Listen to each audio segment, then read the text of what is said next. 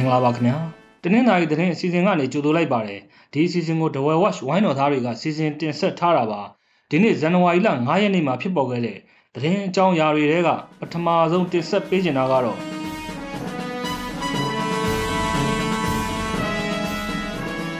ရေပြူတရားမှာမိုင်းတွေ့လို့ဒီနေ့မနက်ဖြတ်တန်းခွင့်ပိတ်ခဲ့ပါတယ် ရေပြူမြို့အရှိဘက်ကန်းနဲ့အနောက်ဘက်ကန်းကိုဆက်သွယ်ထားတဲ့တရားမှာမိုင်းတွေ့တဲ့အတွက်စစ်ကောင်စီတပ်ကလာရောက်ရှင်းလင်းခဲ့ပါတယ်ဒီနေ့မနက်ပိုင်းမှာစစ်ကောင်စီတပ်ဖွဲ့ဝင်တွေရောက်လာပြီးတရားဖြတ်တန်းခွင့်ပိတ်ပြီးမိုင်းရှင်းလင်းခဲ့တာပါ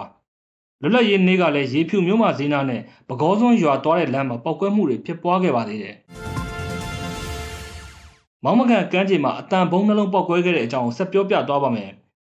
လောင်းလုံးမြို့နယ်ကနာမည်ကြီးမောင်မကန်ကမ်းခြေနားမှာမနေ့ညနေကအတန်ဘုံနှလုံးပောက်ကွဲခဲ့ပါတယ်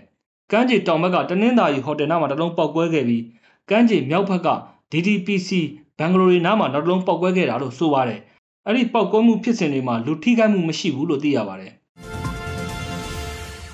ပလောမြို့နယ်ပြည်တော်စုလမ်းမပေါ်ကကြေးရွာနေအိမ်တွေမှာ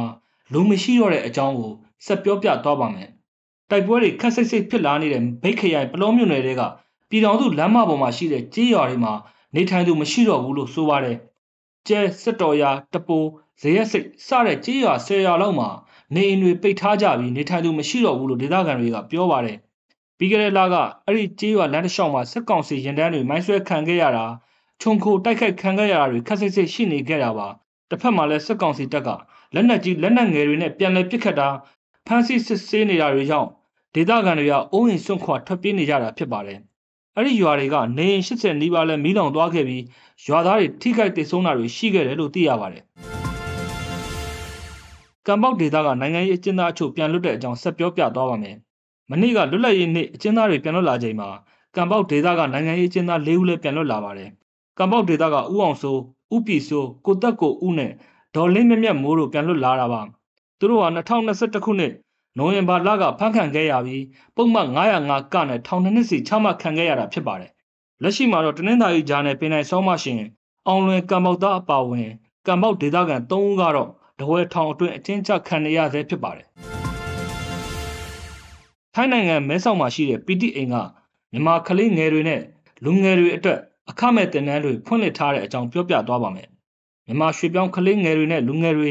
အခမဲ့တက်ရောက်နိုင်တဲ့တင်နန်းတွေကိုယခုလအစောပိုင်းမှာပီတိအိမ်ကဖွင့်လှစ်ခဲ့ပါတယ်။ထိုင်းနိုင်ငံသားတွေနဲ့မြန်မာလူငယ်တွေကြားယဉ်ကျေးမှုဖလှယ်ဖို့နဲ့ကြုံတွေ့ခဲ့ရတဲ့နာကျင်ခံစားခဲ့ရမှုတွေကိုကိုဝါသနာပါတဲ့ပညာရက်တွေသင်ကြားပြီး ကုသပေးနိုင်ဖို့ရည်ရွယ်တယ်လို့ဆိုပါတယ်။လက်ရှိမှာတော့လက်လက်စက်ကပ်ပညာဗကြီးတင်နန်းတွေကိုစနေတင်နေကနေနေတာညနေ4နာရီကနေ6နာရီအထိဘသူမဆိုအသက်အရွယ်မရွေတက်ရောက်နိုင်တယ်လို့ဆိုပါတယ်။မြန်မာရိုးကကြပြလွတ်အခြေခံပထမအဆင့်ဂီတအခြေခံအဆင့်လက်မှုပညာတဘာဝအခြေခံပုံနှိပ်တင်နန်းတွေကိုလည်းယခုလထဲမှာဖွင့်လှစ်သွားမယ်လို့ဆိုပါတယ်။ PTA ကိုပညာရေးနဲ့ဖွံ့ဖြိုးရေးဖောင်ဒေးရှင်း FED ကဖွင့်လှစ်နေတာဖြစ်ပါတယ် ကာလကြာရှည်ငြိမ်နေတဲ့ရွှေနဲ့ဘတ်ဈေးကအခုရက်ပိုင်းကစပြီးအတက်ဘက်ကိုပြန်ရောက်လာပါတယ်။တစ်ကြက်သားကို26သိန်း6တောင်းဝန်းကျင်နဲ့လချီငြိမ်နေတဲ့အခောက်ရွှေဟာပြီးခဲ့တဲ့3ရက်လောက်ကစပြီးပြန်တက်လာတာပါ။ဒီနေ့မှာတော့အခောက်ရွှေတစ်ကြက်သားကို28သိန်း2တောင်းခွဲပေါက်ဈေးရှိနေပါတယ်။ရွှေနဲ့အတူငြိမ်နေတဲ့ထိုင်းငွေဈေးလည်းပြန်တက်လာပြီးဒီနေ့မှာတော့တစ်ပတ်ကို82ကျပ်ကျော်ဈေးရှိပါတယ်။အရင်ကဆိုရင်ထိုင်းဘတ်ငွေတစ်ပတ်ကို80ကျပ်ဝန်းကျင်ပဲပေါက်ဈေးရှိတာပါ။